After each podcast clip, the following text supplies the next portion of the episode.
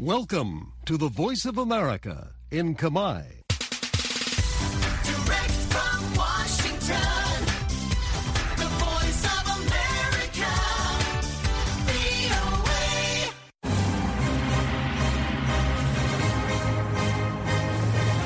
សួស្តីប្រិយមិត្តអ្នកស្ដាប់ជាទីមេត្រី នៅក្នុងកម្មវិធីផ្សាយតាមវិទ្យុរបស់ VOA នៅព្រឹកថ្ងៃសុក្រទី2ខែកុម្ភៈឆ្នាំ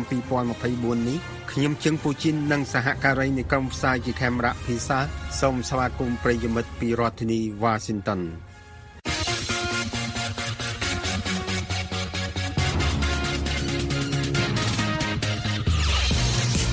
នៅក្នុងការផ្សាយរបស់ VOA នៅវេលាព្រឹកនេះយើងខ្ញុំមានសេចក្តីរាយការណ៍អំពីការព្រួយបារម្ភអំពីការគ្រប់គ្រងរបស់សហរដ្ឋអាមេរិកចំពោះអ៊ីស្រាអែលនៅក្នុងការបោះឆ្នោតឆ្នាំ2024អ៊ីស្រាអែលអំពាវនាវឲ្យរំលាយទីភ្នាក់ងារ UNRWA កងទ័ពអូតង់90000នាក់ចូលរួមសមយុទ្ធយោធាដ៏ធំបំផុតតាំងពីសង្គ្រាមត្រជាក់ សមាជិកគណៈបកភ្លើងទៀន2នាក់ត្រូវបានចាប់ខ្លួនពីបទក្លែងបន្លំឯកសារសាធារណៈហើយនឹងសេចក្តីរាយការណ៍អំពីអ្នកនយោបាយវ័យក្មេងតំណាងគណៈបកនៅកម្ពុជា ចូលរួមកម្មវិធីពាក់ព័ន្ធនឹងនយោបាយនៅប្រទេសជប៉ុន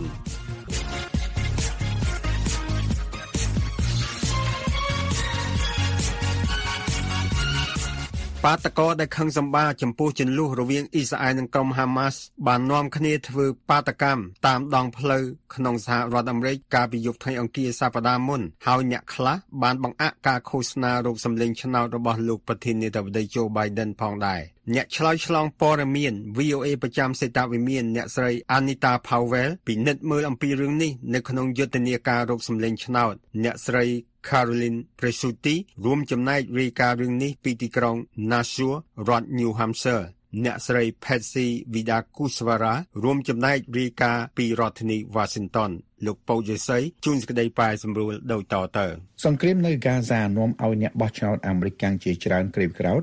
ហើយកំពុងដាក់សម្ពាធលើលោក Biden ដែលកំពុងព្យាយាមកាន់តំណែងមួយអាណត្តិទៀតសន្និកថារបស់លោក Biden ដើម្បីសម្ដែងការគ្រប់គ្រងសិទ្ធិរំលូតទារកបែរជាត្រូវបានបង្អាក់ដោយបាតកោដែលខឹងការគ្រប់គ្រងរបស់លោក ចំពោះយុទ្ធនាការរបស់យោធាអ៊ីស្រាអែលទៅវិញលោក Biden សម្ដែងការមិនសប្បាយចិត្ត make deeply personal. We're going to have this going to go on for a while. បាតកម្មនោះបានរៀបចំឡើងដោយក្រុម Die In for Humanity ដែលជាក្រុមបាតកោមានសមាជិក700នាក់ដែលធ្វើបាតកម្មជិត100ដងនៅកម្មវិធីលោក Biden ក្នុងរដ្ឋធានី Washington នៅក្រៅផ្ទះគណៈរដ្ឋមន្ត្រី និងនៅក្នុងបាតកម្មខែមករាក្នុងរដ្ឋធានី Washington Hazami Bermada ជាមេដឹកនាំក្រុមបាតកោ Die In for Humanity And we're seeing a shift in the tide in the United States with um, complete យើងឃើញមានការងាកទៅការច្រានចោលលោក Biden ទាំងស្រុងមានន័យថាលោកនឹងមិនទទួលសម្លេងឆ្នោតរបស់សហគមន៍អារ៉ាប់អាមេរិកកាំងទេនៅពេលដែលលោកបន្តមិនអើពើចំពោះសម្លេងរបស់សហគមន៍នេះដែលសូមឲ្យបញ្ឈប់រឿងអយុត្តិធម៌និងការសម្លាប់រង្គាលនៅកាហ្សានោះសេតវិមានថាលោក Biden គាំទ្របាតកម្មដោយសន្តិវិធីលោក John Kirby ជាអ្នកសម្របសម្រួលយុទ្ធសាស្ត្រគមនាគមន៍សម្រាប់ក្រុមប្រឹក្សាសន្តិសុខជាតិ He also believes it's really important that Israel លោក Biden ក៏ជឿដែរថាវាជារឿងសំខាន់ដែលអ៊ីស្រាអែលមានសិទ្ធិនិងមានសមត្ថភាពដើម្បីការពារខ្លួនប្រឆាំងនឹងការគំរាមកំហែងពីក្រុមហាម៉ាស់ប៉ុន្តែនេះមិនមែនមានន័យថាយើងនឹងឈប់ជំរុញឲ្យដៃគូអ៊ីស្រាអែលរបស់យើងកាត់បន្ថយការស្លាប់និងរបួសរបស់ជនស៊ីវិលនិងការអនុញ្ញាតឲ្យជំនួយចូលនោះទេអ្នកវិភាគនយោបាយថាលោក Biden ស្ថិតក្នុងជំហរពិបាកមួយលោកនួមអូនស្តាញជាអ្នកស្រាវជ្រាវជាន់ខ្ពស់ ច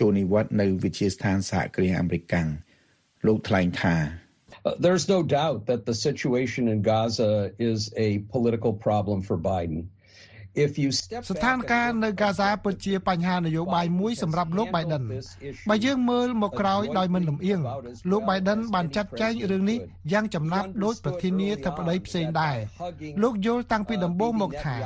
ការអោបក្រសោបលោកនាយករដ្ឋមន្ត្រីនេតិនយ៉ាហ៊ូអាចរារាំងរឿងអាក្រក់ជាទីបំផុតខ្លះមិនឲ្យកើតឡើងនៅហ្គាហ្សាប៉ុន្តែឥឡូវលោកចិត្តច្រានចោលលោកនេតិនយ៉ាហ៊ូហើយនេះមានន័យថាវិធានការដើមដំបូងដែលធ្វើឲ្យអ្នកគាំទ្រជាច្រើនមិនគាំទ្រមិនត្រឹមតែអ្នកបោះឆ្នោតអារ៉ាប់អាមេរិកប៉ុណ្ណោះទេ តែមានទាំងក្រុមយុវជនដែលជឿនលឿននោះអាចមានផលវិបាកជាងមុនសម្រាប់លោកពីព្រោះបានលោកច្រានចោលលោកនេតិនយ៉ាហ៊ូឬទុកចោលមួយអន្លើនោះពួកអ្នកគ្រប់គ្រងលោកយ៉ាងខ្លាំងក្លាខ្លះនិងអ្នកគ្រប់គ្រងអ៊ីស្រាអែលប្រហែលជាមិនសប្បាយចិត្តនោះទេអ្នកវិភាគថាគោលនយោបាយការបរទេសកម្រជារឿងសំខាន់ក្នុងការបោះឆ្នោតណាស់ តែអាចសំខាន់ពេលណាដែលមានការប្រជែងគ្នាយ៉ាងប្រកបអ្នកបោះឆ្នោតដែលមិនទាន់សម្រេចចិត្តម្នាក់នេះថាការសម្រេចចិត្តរបស់លោកផ្អែកលើរឿងមួយលោក Isaac Gear ជាអ្នកបោះឆ្នោតឯករាជ្យម្នាក់នៅរដ្ឋ New Hampshire ដែលនិយាយថាលោកមិនទាន់សម្រេចចិត្តទេ um, biggest thing I'm voting for this uh, this election រឿងសំខាន់បំផុតដែលខ្ញុំបោះឆ្នោតគ្រប់គ្រងនៅឆ្នាំនេះ គឺគោលនយោបាយការបរទេសសម្រាប់ខ្ញុំជារឿងសំខាន់ណាស់ដែលយើងមិនពាក់ព័ន្ធនឹងសង្គ្រាមបរទេសណាមួយនឹងកាត់បន្ថយចំណាយយោធាហើយរក្សាទ័ពយើងទុកក្នុងប្រទេសផែនការលោកត្រាំដើម្បីដោះស្រាយវិបត្តិនៅហ្គាហ្សាមិនច្បាស់លាស់លោកធ្លាប់ហាមមិនឲ្យជនអន្តោប្រវេសន៍ពីប្រទេសមូស្លឹមចូលមកហើយបានរងការរិះគន់យ៉ាងខ្លាំង VOA បានសូមអត្ថាធិប្បាយពីយុទ្ធនាការលោក Trump ប៉ុន្តែគ្មានការឆ្លើយតបសម្រាប់សកម្មជនមូស្លឹម គេមានជំរឿសមិនល្អទាំងពីរលោក Hassan Abdel Salam ជាសហស្ថាបនិកក្រុមអ្នកបោះឆ្នោតមូស្លឹមដែលបោះបង់ចោលលោក Biden ដែលមានទីស្នាក់ការនៅក្នុងរដ្ឋ Minnesota ដែលម្ដងបោះឆ្នោតឲ្យគណៈបកនេះម្ដងឲ្យគណៈបកនោះលោកមានសញ្ជាតិកាណាដា Mr. Trump prevented our friends and លោក colleagues ត្រាំបានរារាំងមិត្តនិងគ្រួសារយើងមិនឲ្យចូលអាមេរិកប៉ុន្តែលោក Biden បានសម្លាប់ពួកគេ ហើយ4ឆ្នាំក្រោមបកសាធារណរដ្ឋមិនអាចប្រៀបជាមួយមួយថ្ងៃក្នុងតំបន់ហ្គាហ្សាទេនេះជាការជជែកគ្នាមួយដែលលេចឡើងក្នុងសហគមន៍យើងដែលយើងត្រូវលះបង់ពួកគេសល់ជំរឿសពីរគឺសម្លេងពួកគេនៅពេលនេះនិងនៅខែវិច្ឆិកាពីរដ្ឋធានី Washington ខ្ញុំពូរិយស័យ VOA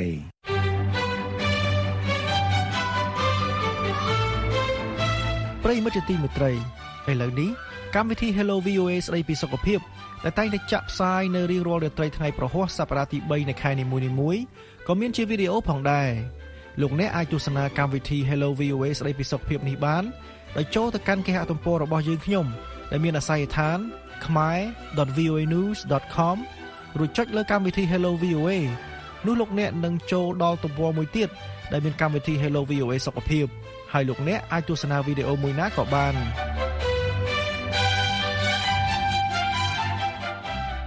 ប្រទេសអ៊ីស្រាអែលអំពាវនាវឲ្យរំលាយទីភ្នាក់ងារ UNRWA ដែលជាទីភ្នាក់ងារអង្គការសហប្រជាជាតិទទួលបន្ទុកផ្តល់ជំនួយដល់ជនជាតិប៉ាឡេស្ទីន ក្រោយពីអ៊ីស្រាអែលបានបង្ហាញផុសតាងថាយ៉ាងហោចណាស់បុគ្គលិក12នាក់នៃទីភ្នាក់ងារនេះបានចូលប្រឡូកក្នុងអំពើសម្លាប់រង្គាលជនជាតិអ៊ីស្រាអែលនៅថ្ងៃទី7ខែតុលាប្រទេសផ្ដល់ជំនួយធំៗជាច្រើនបានផ្អាកជំនួយក្រុមប៉ាឡេស្ទីននិយាយថាទីភ្នាក់ងារ UNRWA បំពេញតួនាទីដ៏សំខាន់ក្នុងការចែកចាយជំនួយមនុស្សធម៌ក្នុងតំបន់ Gaza អ្នកស្រី Linda Gradstein រាយការណ៍រឿងនេះឲ្យ VOA ពីទីក្រុង Jerusalem លោកសាយមនីជួនសេចក្តីប្រែសម្រួលដោយតទៅសភាអាមេរិកថ្មីថ្មីនេះបានបើកសាវនាការពិនិត្យមើលថាតើអាមេរិកគួរតែជប់ផ្ដល់ជំនួយតទៅទៀតដល់ទីភ្នាក់ងារអ៊ុនរ៉ារបស់អង្គការសហប្រជាជាតិទទួលបន្ទុកផ្ដល់ជំនួយដល់ជនជាតិប៉ាឡេស្ទីន1លាន5សែននាក់ដែលត្រូវកំណត់ថាជាជនភៀសខ្លួនក្នុងតំបន់កាហ្សាឬអត់ប្រទេសផ្ដល់ជំនួយធំធំដូចជាអាមេរិកបានផ្អាកជំនួយដល់ទីភ្នាក់ងារអ៊ុនរ៉ាជាការឆ្លើយតបទៅនឹងការបង្ហាញរបស់អ៊ីស្រាអែលថ្មីថ្មីនេះ ថាបុគ្គលិកទីភ្នាក់ងារនេះបានចូលរួមសកម្មក្នុងការសម្លាប់រង្គាលដោយក្រុមហាម៉ាស់នៅថ្ងៃទី7ខែតុលាដែលបានសម្លាប់មនុស្សអស់ប្រមាណ1200នាក់នៅអ៊ីស្រាអែលអ៊ីស្រាអែលបានបង្ហាញភស្តុតាងនៃអំពើប្រព្រឹត្តដោយបុគ្គលិកអ៊ុនរ៉ាយ៉ាងតិច12នាក់រួមទាំងការចាប់ពង្រត់នារីអ៊ីស្រាអែលម្នាក់និងចូលរួមក្នុងការសម្លាប់រង្គាលអ្នកភូមិអ៊ីស្រាអែលមួយផងបន្ថែមពីនេះ បុគ្គលិកនៅហ្គាហ្សារបស់ទីភ្នាក់ងារអ៊ុនរ៉ាប្រមាណ10%ជាប់ពាក់ព័ន្ធនឹងក្រុមយុទ្ធជនអ៊ីស្លាមហើយ50%មានសាច់ញាតិជិតស្និទ្ធដែលជាសមាជិកក្រុមទាំងនោះនេះបើផ្អែកតាមក្រុមឃ្លាំមើល UN Watch ដែលបង្ហាញភស្តុតាងដល់គណៈកម្មាធិការសភាអាមេរិកលោក Hilal Noor នាយកប្រតិបត្តិអង្គការ UN Watch ថ្លែងថា UN Watch is releasing a new report entitled UNRWA's Terrorgram យើងចេញផ្សាយរបាយការណ៍ថ្មីមួយមានចំណងជើងថាកម្មវិធី Telegram របស់ UNRWA ដែលយើងលាតត្រដាងក្រុមជជែកតាម Telegram មួយដែលមានគ្រូបង្រៀនរបស់ UNRWA នៅ Gaza 3000នាក់គោលបំណងក្រុមនេះគឺចែករំលែកព័ត៌មានសម្រាប់គ្រូ UNRWA តែក្នុងចំណោមសារឆ្លើយឆ្លង249,000ដែលយើងបានទាញយកមកទុកមុនពេលពួកគេលុបសារទាំងនោះចោលពួកគេបានអបអរសាទរម្ដងហើយម្ដងទៀតចំពោះភេរវកម្ម កាលពីថ្ងៃទី7ខែតុលានិងក្រោយមកទៀតទីភ្នាក់ងារអ៊ុនរ៉ាមានបុគ្គលិក13000នាក់នៅហ្គាហ្សាភាគច្រើនជាគ្រូបង្រៀននៅសាលារបស់អង្គការនេះឆ្លើយតបនឹងការចោទប្រកាន់របស់អ៊ីស្រាអែលទីភ្នាក់ងារនេះថាខ្លួនបានបណ្តេញចោលមនុស្ស9នាក់ហើយនឹងស៊ើបអង្កេតបន្តទៀតតែក្រុមអ្នកវិភាគអ៊ីស្រាអែលខ្លះថាបញ្ហារបស់អ៊ុនរ៉ានេះហួសពីវិបត្តិបច្ចុប្បន្ននេះពួកគេថាទីភ្នាក់ងារអ៊ុនរ៉ាបានកំណត់ជនជាតិប៉ាឡេស្ទីនជាជនភៀសខ្លួនរហូតក្នុងបទបង្ហាញនយោបាយ ជាជាងរកកន្លែងឲ្យពួកគេរស់នៅដោយជនភៀសខ្លួនកិច្ចពីចំនួនផ្សេងផ្សេងទៀតអ្នកស្រី Inat Phil អតីតសមាជិកសភាអ៊ីស្រាអែលនិងជាសហអ្នកនិពន្ធសិភៅអំពីអ៊ុនរ៉ាថ្លែងថា UNRWA is uh, started as a temporary agency with អ៊ុនរ៉ាចាប់ផ្ដើមជាទីភ្នាក់ងារបណ្ដោះអាសន្នក្នុងចេតនាល្អគឺផ្ដល់ជំរកដល់ជនភៀសខ្លួនអារ៉ាប់ចេញពីសង្គ្រាមឆ្នាំ47 48 49ជនភៀសខ្លួនរាប់សិបលាននាក់មានជំរកពេលនោះ ចេញពីក្រោយសង្គ្រាមចក្រពត្តិគ្មាននរណាម្នាក់ឬកូនចៅពួកគេរាប់រយលាននាក់មានឈ្មោះជាជនភៀសខ្លួនទៀតទេពេលនេះពួកគេកសាងជីវិតថ្មីអស់ហើយលើកលែងតែជនជាតិប៉ាឡេស្ទីនរដ្ឋមន្ត្រីការបរទេសអាមេរិកលោក Anthony Blinken ថាភស្តុតាងរបស់អ៊ីស្រាអែលប្រឆាំងនឹងអ៊ុនរ៉ាគួរឲ្យជឿជាក់បានយ៉ាងខ្លាំងតែលោកក៏ថាអ៊ុនរ៉ាដើរតួនាទីដ៏សំខាន់ក្នុងការចែកចាយជំនួយដែលគេត្រូវការនៅកាហ្សា មន្ត្រីប៉ាឡេស្ទីនថាការជួបផ្ដល់ជំនួយដល់អ៊ុនរ៉ានឹងក្លាយជាទណ្ឌកម្មរួមនិងធ្វើឲ្យស្ថានភាពមនុស្សធម៌ដ៏លំបាកក្នុងគ្រាសង្គ្រាមនៅកាហ្សាកាន់តែយ៉ាប់យ៉ឺនលោក Nabil Abu Rudene អ្នកនាំពាក្យប្រធានអាជ្ញាធរប៉ាឡេស្ទីនថ្លែងថា This step simultaneously taken during the war in Gaza sends a wrong message វិធានការនេះដែលធ្វើឡើងចំពេលមានសង្គ្រាមនៅហ្គាហ្សាបញ្ជូនសារខុសមួយមានសង្គ្រាមប្រឆាំងជនជាតិប៉ាឡេស្ទីនការសម្រេចនេះមិនត្រឹមត្រូវទេហើយគួរតែបញ្ឈប់ជាបន្ទាន់យើងជំរុញប្រទេសទាំងអស់ឲ្យបន្តផ្ដល់ជំនួយដល់អ៊ុនរ៉ាឡើងវិញព្រោះវាជាបញ្ហាមនុស្សធម៌ជនជាតិប៉ាឡេស្ទីនភ័យខ្លាចថាបើអ៊ុនរ៉ាមិនអាចប្រតិបត្តិការនៅហ្គាហ្សាបានទេនោះមនុស្សជាង1លាននាក់ដែលជ្រកកោនក្នុងសាលាអ៊ុនរ៉ានឹងរងទុក្ខវេទនាពីវិបត្តិមនុស្សធម៌កាន់តែធ្ងន់ធ្ងរ ពីរដ្ឋធានី Washington ខ្ញុំសាយមូនី VOA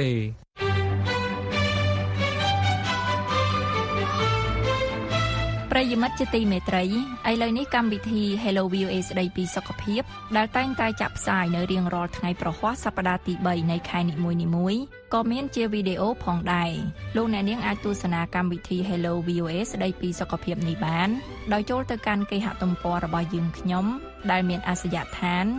khmer.voanews.com រួចចុចលើពាក្យកម្មវិធី Hello VOA នោះលោកអ្នកនឹងចូលទៅដល់ទំព័រមួយទៀតដែលមានកម្មវិធី Hello VOA សុខភាពហើយលោកអ្នកនាងអាចទស្សនាវីដេអូមួយណាក៏បាន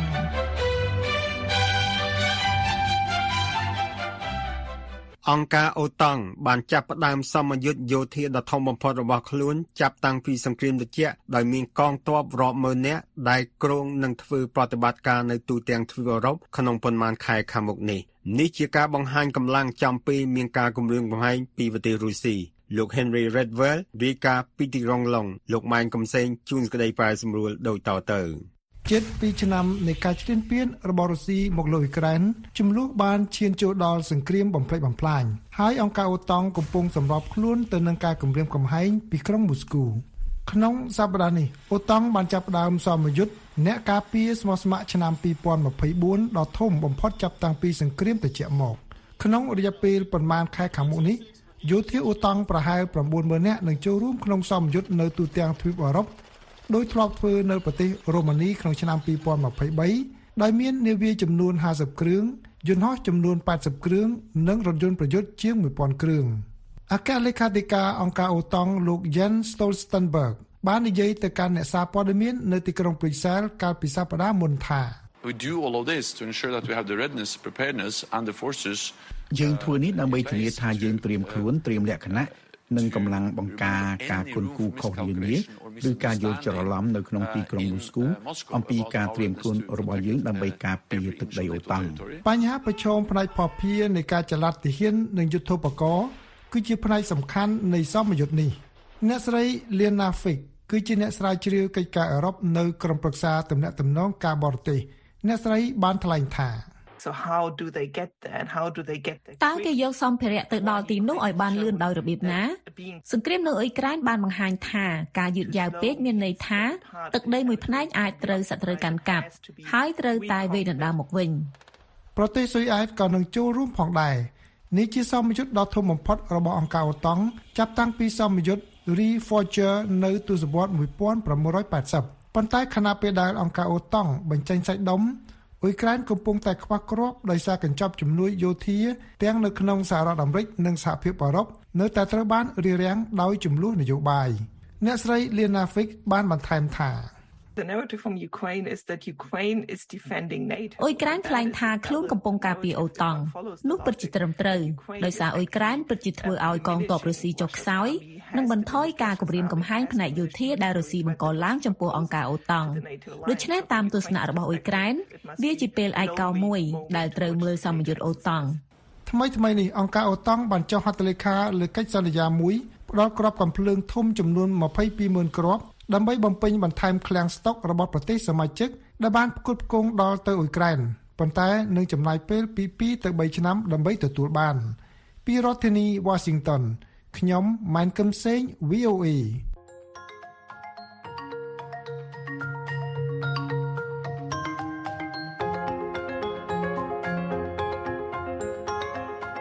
សូមស្វាគមន៍មកកាន់កម្មវិធី podcast កម្ពុជាសម្លឹងទៅមុខរដូវកាលទី2ប្រិមិត្តជាទីមេត្រី កាលពីរដូវកាលទី1អស់លោកអ្នកនាងបានស្ដាប់កម្មវិធី podcast កម្ពុជាសម្លឹងទៅមុខដល់ទៅ16ភាគដែលក្រុមអ្នកស្រាវជ្រាវកម្ពុជាឆ្នើមនិងវ័យក្មេងជាច្រើនអ្នកបានពិភាក្សានិងបកស្រាយអំពីទស្សនវិស័យនិងសក្តានុពលដែលជំរុញឲ្យមានការផ្លាស់ប្តូរវិជ្ជមានលើវិស័យនានាក្នុងប្រទេសកម្ពុជារាប់ទាំងវិស័យអប់រំសេដ្ឋកិច្ចសុខាភិបាលការទូតបរិស្ថាននិងអភិបាលកិច្ចជាដើមរដូវកាលទី2របស់យើងនឹងបដោតលើប្រធានបទធំមួយដែលយើងហៅថាវប្បធម៌ Digital ឬជាភាសាអង់គ្លេស Digital Culture និយាយទៅវាសំដៅលើឱកាសនិងកត្តាប្រឈមនៃការប្រើប្រាស់បច្ចេកវិទ្យានានាដើម្បីដោះស្រាយបញ្ហាប្រឈមក្នុងសង្គមនិងជំរុញឲ្យមានការផ្លាស់ប្តូរវិជ្ជមានជាបន្តបន្ទាប់ហើយជាពិសេសបង្កើនលទ្ធភាពឲ្យកម្ពុជាសម្រេចបាននូវគោលដៅអភិវឌ្ឍរបស់ខ្លួនក្នុងគ្រប់វិស័យដោយរដូវកាលទី1ដែរលោកអ្នកនាងអាចស្ដាប់ podcast កម្ពុជាសម្លឹងទៅមុខវប្បធម៌ Digital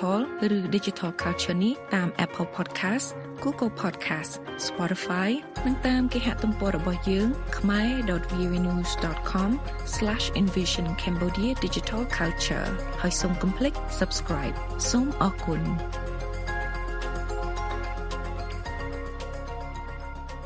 មន្ត្រីគណៈបកភ្លើងទៀន2នាក់ត្រូវបានសមត្ថកិច្ចក្រុងភ្នំពេញឃាត់ខ្លួនពាក់ព័ន្ធនឹងបទចោទក្លែងបន្លំឯកសារសាធារណៈ គណៈបកភ្លើងទៀនចាត់ទុកការចាប់ខ្លួនមន្ត្រីរបស់ខ្លួនថាជាការគំរាមកំហែងផ្នែកនយោបាយនិងធ្វើឲ្យបរិយាកាសនយោបាយកាន់តែមិនល្អលោកហានណូយរីកា VOA ពីរាជធានីភ្នំពេញដូចតទៅ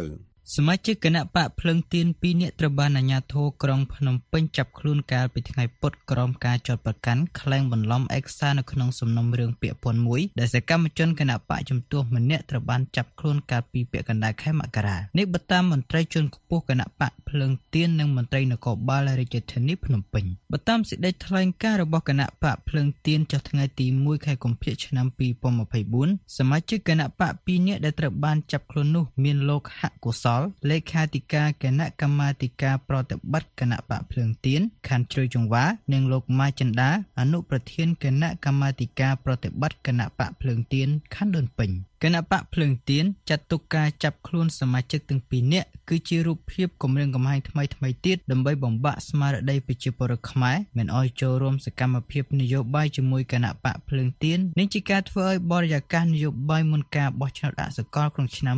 2024នេះរឹតតែមានភាពអាប់អួរថែមទៀតគណៈបកភ្លើងទៀនជំរុញឲ្យអាជ្ញាធរដោះលែងពួកគេដោយឥតលក្ខខណ្ឌនិងបញ្ឈប់ការធ្វើទុកបុកម្នេញសមាជិកគណៈបកដើម្បីធានាបរិយាកាសនយោបាយល្អប្រសើរក្នុងពេលដែលកម្ពុជានឹងរៀបចំការបោះឆ្នោតជ្រើសរើសសមាជិកព្រឹទ្ធសភានៅថ្ងៃទី25ខែកុម្ភៈខាងមុខថ្លែងនៅក្នុងបទសម្ភាសន៍ជាមួយ VOA អតីតនាយកពាក្យគណៈបកភ្លើងទៀនលោកគឹមសួរភិរិទ្ធដែលបច្ចុប្បន្នចូលរួមជាមួយគណៈបកចន្ទៈខ្មែរដែលនឹងចូលរួមប្រកួតប្រជែងការបោះឆ្នោតព្រឹទ្ធសភាខាងមុខលើកឡើងថាការចាប់ខ្លួនសកម្មជនទាំងពីរនាក់នោះគឺជាសម្ពាធបន្ថែមទៀតមកលើគណៈបកភ្លើងទៀនតែខ្ញុំគិតថាតិចអញ្ចឹងទៅមានសង្ខំនយោបាយការកម្រិតរបស់ហើយនៅជាមួយនឹងដែរអញ្ចឹងគឺខ្ញុំពៀងឲ្យជំនួយថាសូមអាជ្ញាធររក្សាភាពកុំឲ្យមានចាប់ខ្លួនដោយអត់នៃការអញ្ចឹងណា អ្នកនាំពាក្យស្នងការរដ្ឋាភិបាលបាលរាជធានីភ្នំពេញលោកសំវិជ្ជការប្រាប់ VOA នៅថ្ងៃប្រហ័សនេះថាពួកគេទាំងពីរនាក់ត្រូវបានអាជ្ញាធរឃាត់ខ្លួនកាលពីថ្ងៃទី31ខែមករាឆ្នាំ2024ពាក់ព័ន្ធនឹងបទចោទក្លែងបន្លំអេកសាបើតាមអ្នកនាំពាក្យរូបនេះការចាប់ខ្លួននេះធ្វើឡើងទៅតាមដីការបស់តុលាការដែលប្តឹងដោយប្រជាពលរដ្ឋពាក់ព័ន្ធនឹងការយកឈ្មោះពួកគេទៅចុះឈ្មោះដោយមិនដឹងខ្លួន។ ចឹងគឺពួកគាត់ទាំងពីរនាក់ហ្នឹងគឺចូលរួមក្រុមក្នុងការស្វែងបន្លំឯកសារអញ្ចឹងសមត្ថកិច្ចយើងអនុវត្តទៅតាមនៃការរបស់តុលាការបើតាមលោកសំវិជ្ជការអ្នកទាំងពីរដែលត្រូវចាប់ខ្លួនពាក់ព័ន្ធនឹងករណីតែមួយដែលសកម្មជនម្នាក់របស់គណៈបកភ្លើងទៀនគឺលោកខឹមច័ន្ទវណ្ណៈប្រធានស្ដីទីគណៈកម្មាធិការប្រតិបត្តិគណៈបកភ្លើងទៀនត្រូវបានចាប់ខ្លួនកាលពីថ្ងៃទី15ខែមករាឆ្នាំ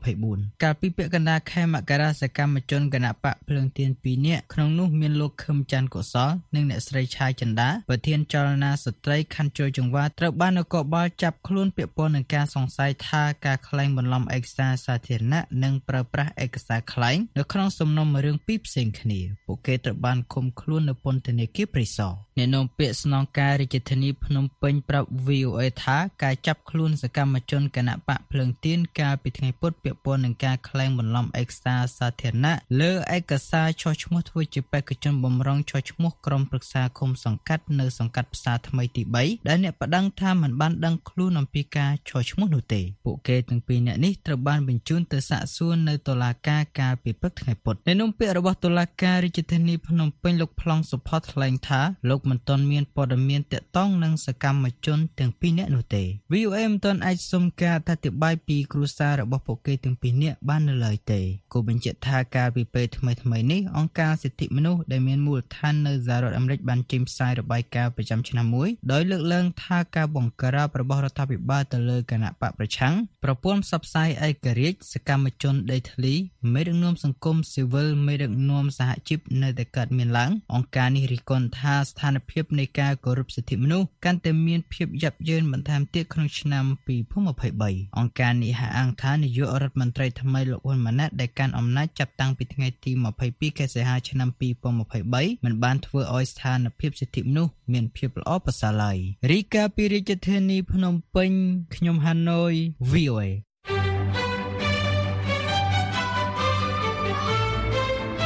ប្រិមិត្តជាទីមេត្រីឥឡូវនេះ កម្មវិធី Hello VOA ស្ដីពីសុខភាព ដែលតែងតែចាក់ផ្សាយនៅរៀងរាល់រាត្រីថ្ងៃប្រហ័សសប្តាហ៍ទី3នៃខែនីមួយៗក៏មានជាវីដេអូផងដែរលោកអ្នកអាចទស្សនាកម្មវិធី Hello VOA ស្ដីពីសុខភាពនេះបាន ដោយចូលទៅកាន់គេហទំព័ររបស់យើងខ្ញុំ ដែលមានអាសយដ្ឋានខ្មែរ .voanews.com រួចចុចលើកម្មវិធី Hello VOA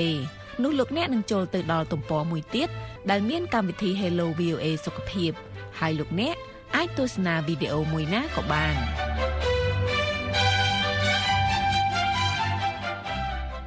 យុវជនកម្ពុជា10នាក់តំណាងគណៈបកនយោបាយចំនួន9បានចូលរួមកម្មវិធីមួយពាក់ព័ន្ធនឹងនយោបាយនៅប្រទេសជប៉ុនកម្មវិធីនេះមានគោលបំណងគាំទ្រការអភិវឌ្ឍតាមបែបប្រជាធិបតេយ្យនៅកម្ពុជាយុវជនតំណាងគណៈបកប្រឆាំងមួយចំនួនដែលចូលរួមកម្មវិធីនោះជំរុញឲ្យយុវជនគ្រប់គណៈបកនយោបាយគួរតែរួបរวมគ្នានិងរកដំណោះស្រាយរួមគ្នាដើម្បីលទ្ធិប្រជាធិបតេយ្យនៅកម្ពុជា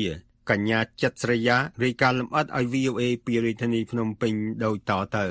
យុវជនកម្ពុជា10នាក់ដែលមកពីគណៈបកនយោបាយចម្រុះចំនួន9បានចូលរួមកម្មវិធីយុវជនពាក់ព័ន្ធនឹងនយោបាយដែលជាផ្នែកមួយនៃកម្មវិធីផ្លាស់ប្តូរយុវជនដែលគ្រប់គ្រងដោយក្រសួងការបរទេសជប៉ុននេះបើតាមសេចក្តីប្រកាសព័ត៌មានរបស់ក្រសួងការបរទេសជប៉ុននិងស្ថានទូតប្រទេសជប៉ុនប្រចាំកម្ពុជាចេញផ្សាយកាលពីថ្ងៃអង្គារ បើតាមសេចក្តីប្រកាសព័ត៌មានយុវជន2នាក់ដែលមកពីគណៈបកប្រជាជនកម្ពុជានិង8នាក់ទៀតមកពីគណៈបកផ្សេងទៀតដែលមានទាំងគណៈបកជំទាស់កម្មវិធីដែលមានឈ្មោះថាបណ្ដាញផ្លាស់ប្ដូរនិស្សិតនិងយុវជនជប៉ុនអាស៊ីបូព៌ាឬហៅកាត់ថា Genasi មានរយៈពេល8ថ្ងៃចាប់ពីថ្ងៃទី31ខែមករាដល់ថ្ងៃទី7ខែកុម្ភៈឆ្នាំ2024 បើតាមមន្ត្រីស្ថានទូតប្រទេសជប៉ុនប្រចាំកម្ពុជាគណៈបកដែលមានតំណាងចូលរួមកម្មវិធីនេះរួមមានគណៈបកប្រជាជនកម្ពុជាគណៈបកភ្លើងទៀនគណៈបកហ្វុនស៊ិមពេចគណៈបកយុវជនកម្ពុជាគណៈបកជនជាតិដើមប្រជាធិបតេយ្យកម្ពុជាគណៈបកប្រជាធិបតេយ្យមូលដ្ឋានគណៈបកកែតម្រង់កម្ពុជាគណៈបកខ្មែររួមជាតិនិងគណៈបកធម្មធិបតេយ្យមន្ត្រីស្ថានទូតប្រទេសជប៉ុនប្រចាំកម្ពុជា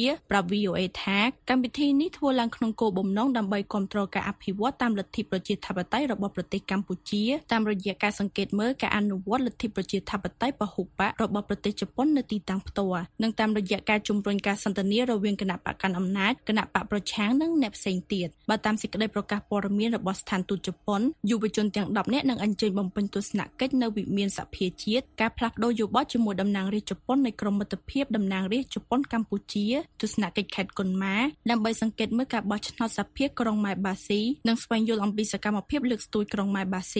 លោកថនចន្ទថាយុវជនតំណាងគណៈបកភ្លើងទៀនប្រាប់ VOA តាមរយៈបណ្ដាញទំនាក់ទំនង Telegram នៅថ្ងៃប្រហ័សនេះថាលោកយល់ថាដំណើរទស្សនកិច្ចនេះពិតជាមានសារៈប្រយោជន៍សម្រាប់យុវជនដែលមកពីតំណាងគណៈបកនយោបាយចម្រុះដើម្បីអាចសិក្សាស្វែងយល់ពីលទ្ធិប្រជាធិបតេយ្យការគោរពសិទ្ធិមនុស្សប្រពៃណីជាពិសេសសកម្មភាពនយោបាយរបស់ប្រទេសជប៉ុន។ បើសិនជាគ្រប់យុវជនមកពីគណៈបកនយោបាយទាំងអស់បើចិត្តឲ្យទលាយរៀនសូត្រហើយនឹងតម្កល់ផលប្រយោជន៍ជាតិជាធំតម្កល់ផលប្រយោជន៍រួមជាធំធ្វើដើម្បីជាតិធ្វើដើម្បីប្រជាពលរដ្ឋហើយយើងយកគំរូទៅតាមប្រទេសជប៉ុនដែលគេមានការគោរពនិងលើកស្ទួយលទ្ធិប្រជាធិបតេយ្យខ្ពស់ហ្នឹងច្បាស់ណាស់ខ្ញុំគិតថាប្រទេសកម្ពុជានឹងមានការអភិវឌ្ឍជាងហ្នឹងលោកថនចន្ទថាយល់ឃើញថាកម្ពុជាគួរតែបើកលំហប្រជាធិបតេយ្យសិទ្ធិសេរីភាពប្រជាពលរដ្ឋហើយគណៈបកនយោបាយទាំងអស់គួរតែងាកមកដោះស្រាយបញ្ហាជុំគ្នា ប្រសិនបើគ្រប់គណៈបកនយោបាយគ្រប់ភាគីនយោបាយតម្កល់ផលប្រយោជន៍រួមគិតផលប្រយោជន៍ជាតិជាធំហើយងាកមកជជែកគ្នាងាកមកដោះស្រាយបញ្ហាជាតិជាមួយគ្នាហើយយើងលើកយកបញ្ហាជាតិមកដាក់លើតុដើម្បីជជែកគ្នាហើយយើងបើកលំហលទ្ធិប្រជាធិបតេយ្យឲ្យមានលំហសេរីភាពនៅក្នុងការបញ្ចេញមតិល្អជាងនេះដែល យើងអាចផ្ដល់ឱកាសឲ្យតំណាងគណៈបកគណៈបកនយោបាយជំទាស់ជាពិសេសនឹងអាចមានសម្លេងអាចនិយាយដោយទូលំទូលាយដោយមិនពាក់ព័ន្ធទៅនឹងផ្លូវច្បាប់ការចាប់ចងគ្រាន់តែបញ្ចេញមតិគ្រាន់តែបញ្ចេញទស្សនៈទាក់ទងទៅនឹង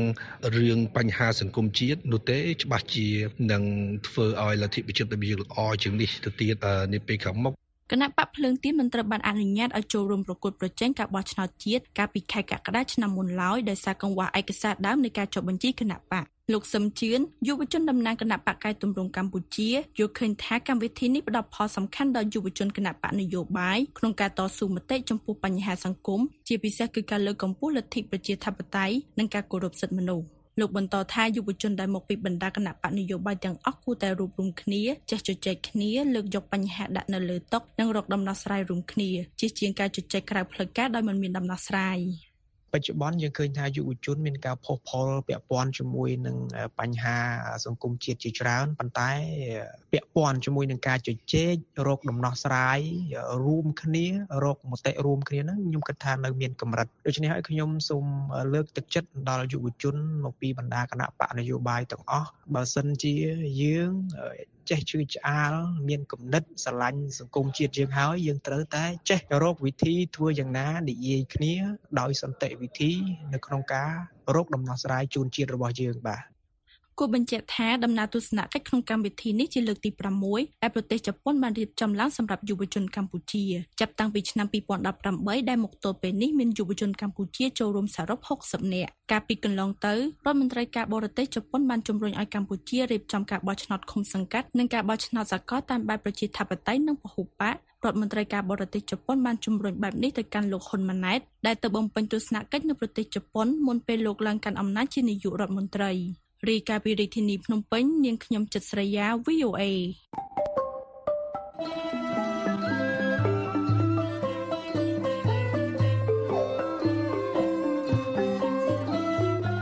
កម្មវិធីផ្សាយរបស់ VOA នៅព្រឹកនេះចាប់តែត្រឹមនេះ សូមអរលោកអ្នករងចាំស្ដាប់សេចក្តីរាយការណ៍ព័ត៌មានជាតិនិងអន្តរជាតិរបស់ VOA នៅក្នុងការផ្សាយបន្តផ្ទាល់របស់យើងខ្ញុំនៅរាត្រីនេះទៀតពីម៉ោង8:30នាទីដល់ម៉ោង9:30នាទី តាមរលកវិទ្យុ 25m ត្រូវនឹងកម្រិត11695និង1575 kHz ឬតាមប្រព័ន្ធអ៊ីនធឺណិតដែលមានអាសយដ្ឋានខ្មែរ .voenews.com សូមអរលោកអ្នកបានប្រកបដោយសេចក្តីសុខនិងសុភមង្គលគ្រប់ប្រការអារុនសុស្ដី